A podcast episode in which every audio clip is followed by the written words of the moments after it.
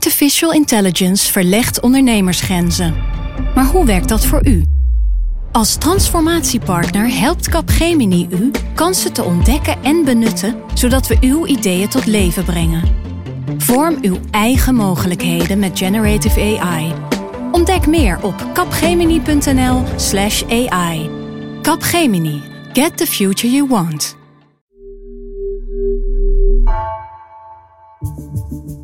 Vanaf de redactie van NRC het verhaal van vandaag. Mijn naam is Floor Boon.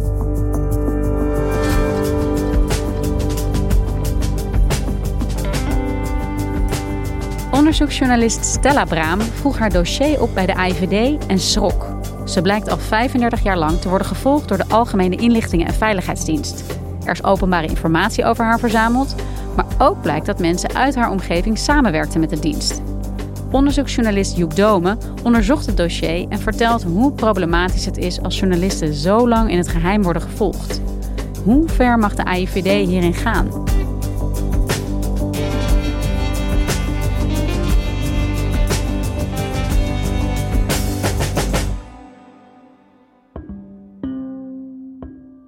Ik zat aan de rand van het zwembad in uh, mijn vakantieverblijf in uh, Zuid-Frankrijk toen ik uh, een telefoontje kreeg van Stella Braam. Ze vertelde dat zij een tijdje geleden haar dossier, haar persoonsdossier, bij de AIVD, de Algemene Inlichtingen en Veiligheidsdienst, had opgevraagd. Als je je dossier wil opvragen, is eigenlijk heel simpel. Er is een formulier dat zwerft ergens rond op het ministerie van Binnenlandse Zaken. Daar bent er misschien vijf minuten aan kwijt. En dan vraag je gewoon, wat heeft de AIVD over mij verzameld? Zij dachten, ja, dan krijg ik een envelop in de bus uh, en uh, daar zitten wat pagina's in. Maar tot mijn uh, verbijstering kwam er een map die niet eens door de brievenbus paste. Van meer dan 300 pagina's. En geheel gewijd aan uw staatsgevaarlijke journalist Stella Braam. En dat dossier bleek overigens voor driekwart wit. Die pagina's waren te vertrouwelijk om eh, aan haar nog te verstrekken. Maar heel veel pagina's waren niet gewit en daar was ze van geschrokken. Ja, want Joep, wie is Stella Braam? Stella Braam is een uh, onderzoeksjournalist. Rond de 60 heeft uh, naam gemaakt in de jaren 80 van de vorige eeuw met uh, een grote onderzoek samen met een collega overigens naar de Grijze Wolven. Dat is een extreemrechtse Turks organisatie die ook actief is in Nederland. En daarna ja, is eigenlijk haar hele carrière, zou je wel kunnen zeggen, heeft zij maatschappijkritische journalistiek bedreven. Zij krijgt dus ineens een heel dik dossier eh, door haar brievenbus. En toen belde ze jou. waarom belde ze jou? Ja, je wil daar denk ik eh, terecht als journalist aandacht voor. En dan kun je dat zelf gaan opschrijven. En, uh, en uh, je kunt het ook zeggen van nou, laten we een andere journalist eens naar het dossier kijken. En in mijn geval zouden lezers kunnen denken van hmm, hmm, hmm, is het niet een beetje aangedikt, klopt het wel enzovoort. Maar als een ander journalist jouw dossier inkijkt, die kan en, en, verder onderzoek doet, die kan een heel objectief verhaal schrijven. En ik zelf zag daar eigenlijk ook nog een breder verhaal in. Namelijk het spanningsveld tussen veiligheidsdiensten die wat er gebeurt in het land in de gaten houden en de persvrijheid. En het belangrijk gegeven dat journalisten onafhankelijk hun werk moeten kunnen doen en met bronnen moeten kunnen praten zonder dat ze het idee hebben dat de IVD meeluistert. Waarom is de IVD haar precies gaan volgen? Is dat helemaal duidelijk? Nee, het is niet helemaal duidelijk, want ook daar zitten nogal veel witte pagina's. Maar wat je eruit kunt opmaken is dat het vooral ging over die grijze wolven. En ik kan me dat ook voorstellen. Een veiligheids- en inlichtingendienst wil natuurlijk weten wat voor een, uh, groepen actief zijn op het grondgebied van Nederland en uh, de grijze wolven. Dat is natuurlijk een extreme rechtse organisatie. En Stella had natuurlijk een hele goede informatiepositie, zo bleek. Hè. Zij, zij kende veel uh, Turkse Nederlanders, mensen die daar uh, actief waren, die haar ook dingen vertelden over de grijze wolven. En dat was voor die inlichtingendienst, de BVD zoals die toen al heette, natuurlijk heel interessant. Alleen dan doet zich de situatie voor dat Stella en haar collega bedreigd worden. Dat, dat loopt hoger op. Je kan je voorstellen dat de AIVD op dat, dat moment zegt van... oeh, dat is gevaarlijk. En dan verwacht je eigenlijk dat ze hun inlichtingenpositie gebruiken om haar te informeren over de risico's en ik weet niet wat allemaal. Maar op een gegeven moment merk je dat de AIVD het totaal niet om mijn veiligheid te doen is uh, geweest. Maar dat ze me eerder hebben gebruikt als een soort van lokaas om te kijken hoe ze gemakkelijk aan informatie zouden kunnen komen over Turkse mensen in die kringen wat eruit blijkt is, naar mijn idee, eh, dat eh, zij vooral geïnteresseerd waren in die grijze wolven. En ook wilden weten wat Stella allemaal wist. En met wie Stella sprak. En eh, hoe Stella aan de informatie kwam. Want is dat ook wat je kunt lezen in het dossier? Vooral hoe zij aan haar informatie kwam, met wie zij sprak en welke informatie ze daaruit haalde? Nee, dat is allemaal gewit. Dus, dus wat, je, wat je ziet is fragmentarische zinnetjes. Uh, dat, uh, dat er een uh, BVD'er bij een bijeenkomst waar Stella spreekt zit en heimelijk een bandopname maakt. Dat er een bron wordt aangeboord bij een instelling waar Stella actief is. En die moet dan informatie over Stella en haar werk doorbrieven aan de BVD. Dat soort dingen lees je. Ik heb hier bijvoorbeeld een voorbeeld van een leeg, leeg vel. En daar staat opmerking over Stella Braam, dubbele punt, voor wat het waard is. Nou, hieruit blijkt dat iemand over mij heeft gepraat. Wie dat is, geen idee. Maar zo zijn er wel meer uh, documenten. Um, het, het, is dus zo dat ik blijkbaar met, met mensen heb gepraat die van de AIVD waren, terwijl ik daar geen idee van had. En het is wat natuurlijk dat als je ziet dat 35 jaar lang zo'n inlichtingendienst geïnteresseerd in jou geweest is. Ja, dan ga je ook. En, je, en je, je hebt grote vraagtekens over wat er nog allemaal gewit is in dat dossier. Zeg, wat heb ik, wat, wat heb ik mijn bronnen aangedaan, bijvoorbeeld? Dus op een gegeven moment begin je wel echt wel een beetje eh, boos te worden hoor, als je dat allemaal leest. Ik bedoel, dat je een crimineel gaat volgen, dat snap ik hè. Maar dat je een journalist gaat volgen, Nee, sorry, dat snap ik niet. En over dat witte, hè, dat zeg je een paar keer nu. Heel erg veel van de documenten die zij in handen kregen waren wit gelakt. Ja. Uh, hoe zit dat precies? Waarom, waarom gebeurt dat? Ja, er zijn een aantal redenen voor. En dat is ook weer begrijpelijk natuurlijk. Eén, het gaat over bronbescherming. Als zij een informant gehad hebben in Turkse kring, uh, dan moet de naam van die bron natuurlijk niet leesbaar zijn, anders brengen ze die bron in gevaar. Uh, als uh, zij bepaalde onderzoeksmethodes hebben toegepast, hun werkwijze, ja, die moet je niet ontbloten. Op het moment dat je laat zien hoe je precies te werk bent gegaan in het volgen van Stella Braam, ja, dan geef je iets van je werkwijze prijs. En die werkwijze die kan in twintig jaar natuurlijk nu nog zo zijn.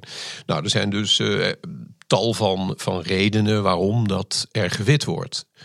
En dat is begrijpelijk. Uh, en aan de andere kant roept het voor een journalist die uh, zich zorgen maakt over de veiligheid van zijn bronnen of haar bronnen, natuurlijk wel heel veel vraagtekens op.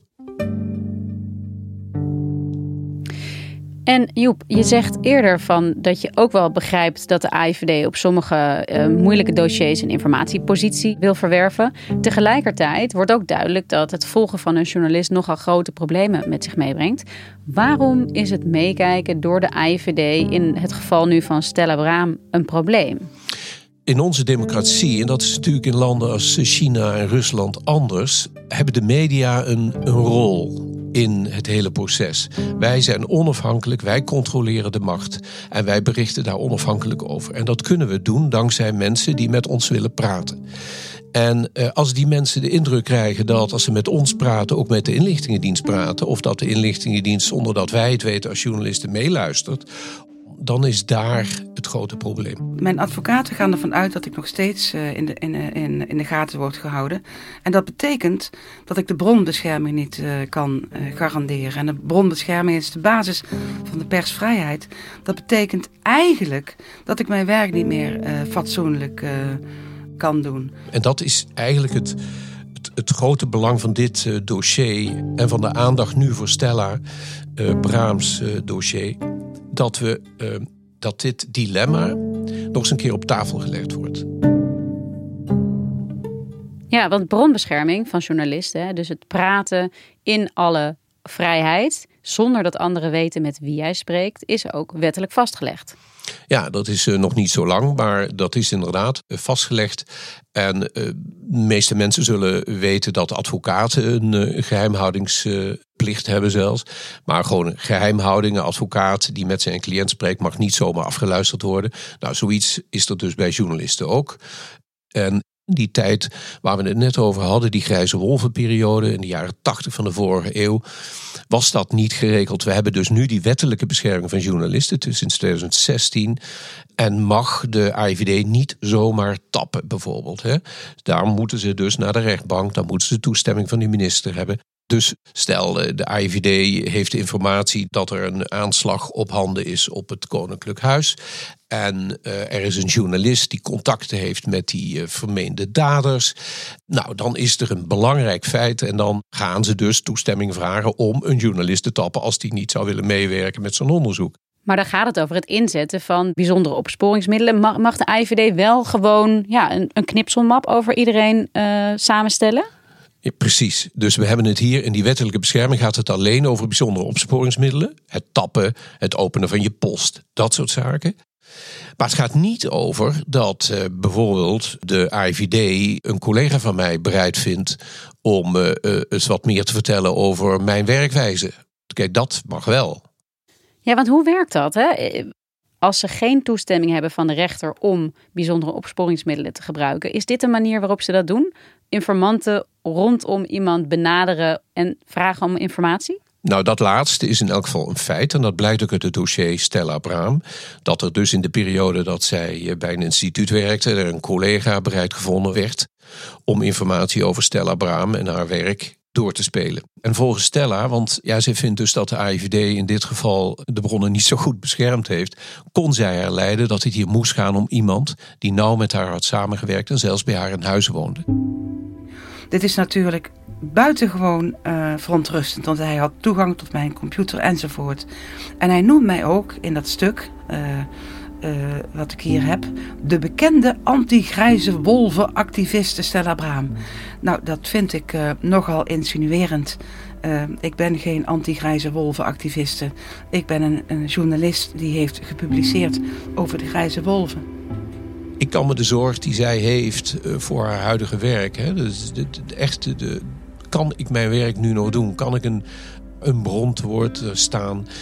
Dat is wat hier, denk ik, een groot probleem is. Stel je voor dat de AIVD uh, eh, je e-mail tapt, ik noem maar wat. Um, dan is uh, de correspondentie via je e-mail al in gevaar.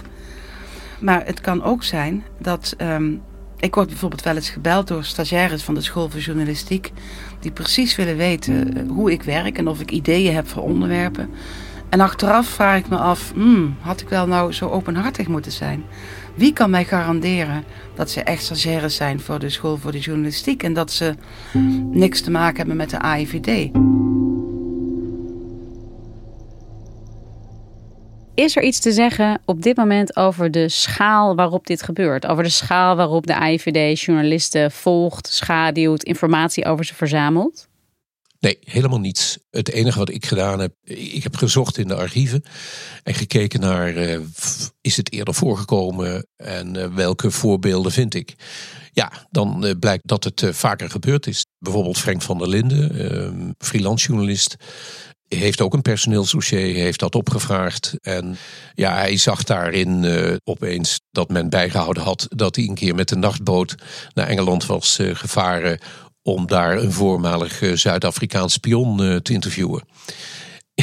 en ik, zo vond ik dus nog veel meer voorbeelden. En wat ik ook vond was, we hebben het nu over de categorie Stella Braam, Frank van der Linden, die niet wisten dat ze gevolgd werden. Maar er zijn ook journalisten in Nederland die met deze diensten samenwerken. Die bewust informatie verstrekken aan de geheime diensten. En verrassend genoeg vond ik daar nog eigenlijk veel meer voorbeelden van. De adjunct hoofddirecteur van de Telegraaf stond eh, in de jaren 80 van de vorige eeuw op de loonlijst eh, van de BVD. Die kreeg 300 euro per maand en was behalve adjunct hoofddirecteur van de Telegraaf ook uh, informant van de BVD. Maar echt op de loonlijst? Ja, onkostenvergoeding heette dat officieel. En onze hoofdredacteur Heldering die is een keer in de jaren 60 van de vorige eeuw, nu gaan we verder terug in de tijd, uh, op kosten van de BVD naar de Sovjet-Unie gereisd. Het zijn allemaal zaken die, eh, die, die, die natuurlijk heel, heel ver terug in de tijd liggen. Maar uh, vrij recent, de Volkskrant heeft in 2019 nog gepubliceerd over Bas van Hout. Hè? Een, een misdaadjournalist en uh, hij uh, bekende in dat interview dat hij uh, de AIVD jarenlang van informatie voorzien heeft uit zijn journalistieke werk.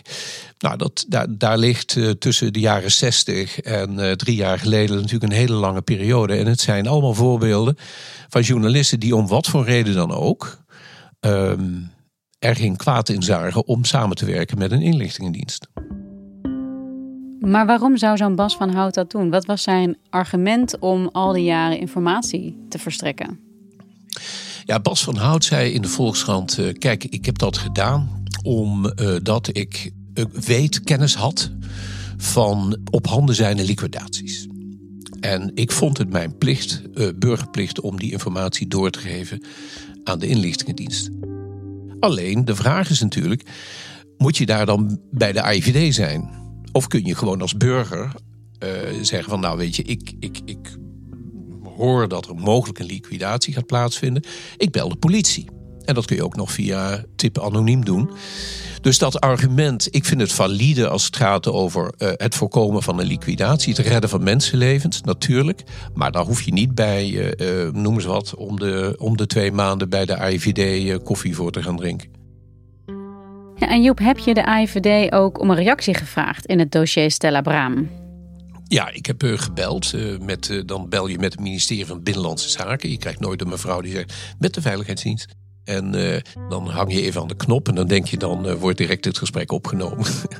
maar dan krijg je uiteindelijk een mevrouw van de, de afdeling perswoordvoering. En dan stel je de vraag. En terwijl je de vraag stelt, weet je het antwoord al. Want dat is net als uh, met heel veel andere instellingen, over individuele gevallen wordt nooit wat verteld. Ze gingen niet in gesprek met uh, NRC over het dossier Stella Braam. Terwijl ik denk dat het uh, wellicht toch goed zou zijn om dit, dit, dit hele onderwerp, dat we over het, het dilemma wat hier speelt, namelijk aan de ene kant het belang, het juiste belang van, van een veiligheidsdienst om inzage te hebben in wat er in een land gebeurt en in verband met de veiligheid enzovoort. En het andere gerechtvaardigde belang van journalisten om hun werk te kunnen doen en met bronnen te kunnen omgaan zonder, uh, zonder bespioneerd te worden door collega's of anderszins. Ja, dat spanningsveld, daar moeten we het gewoon denk ik over gaan hebben. En nu, Stella Braam heeft uh, haar dossier opgevraagd. Jij hebt er een stuk over geschreven.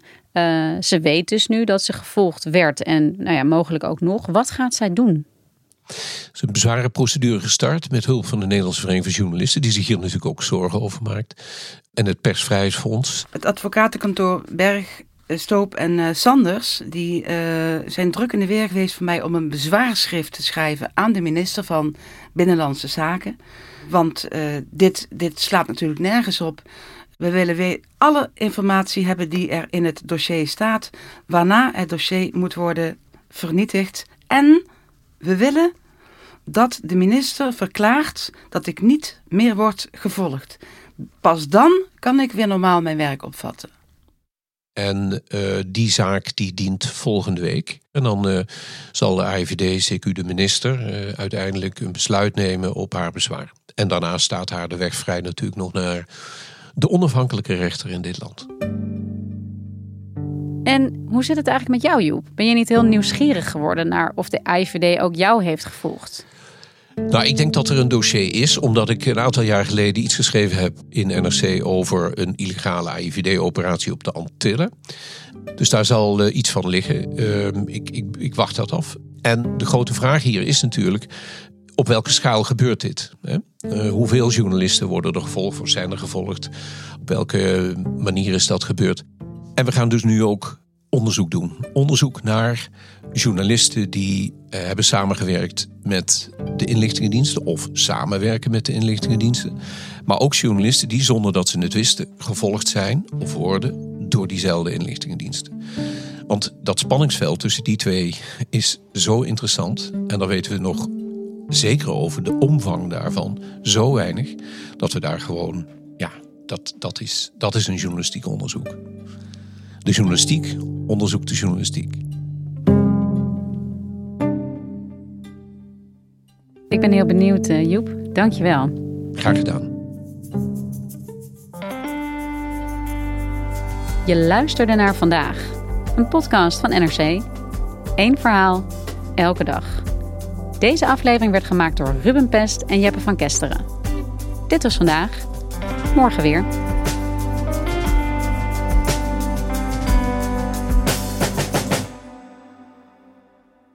Je hebt aardig wat vermogen opgebouwd.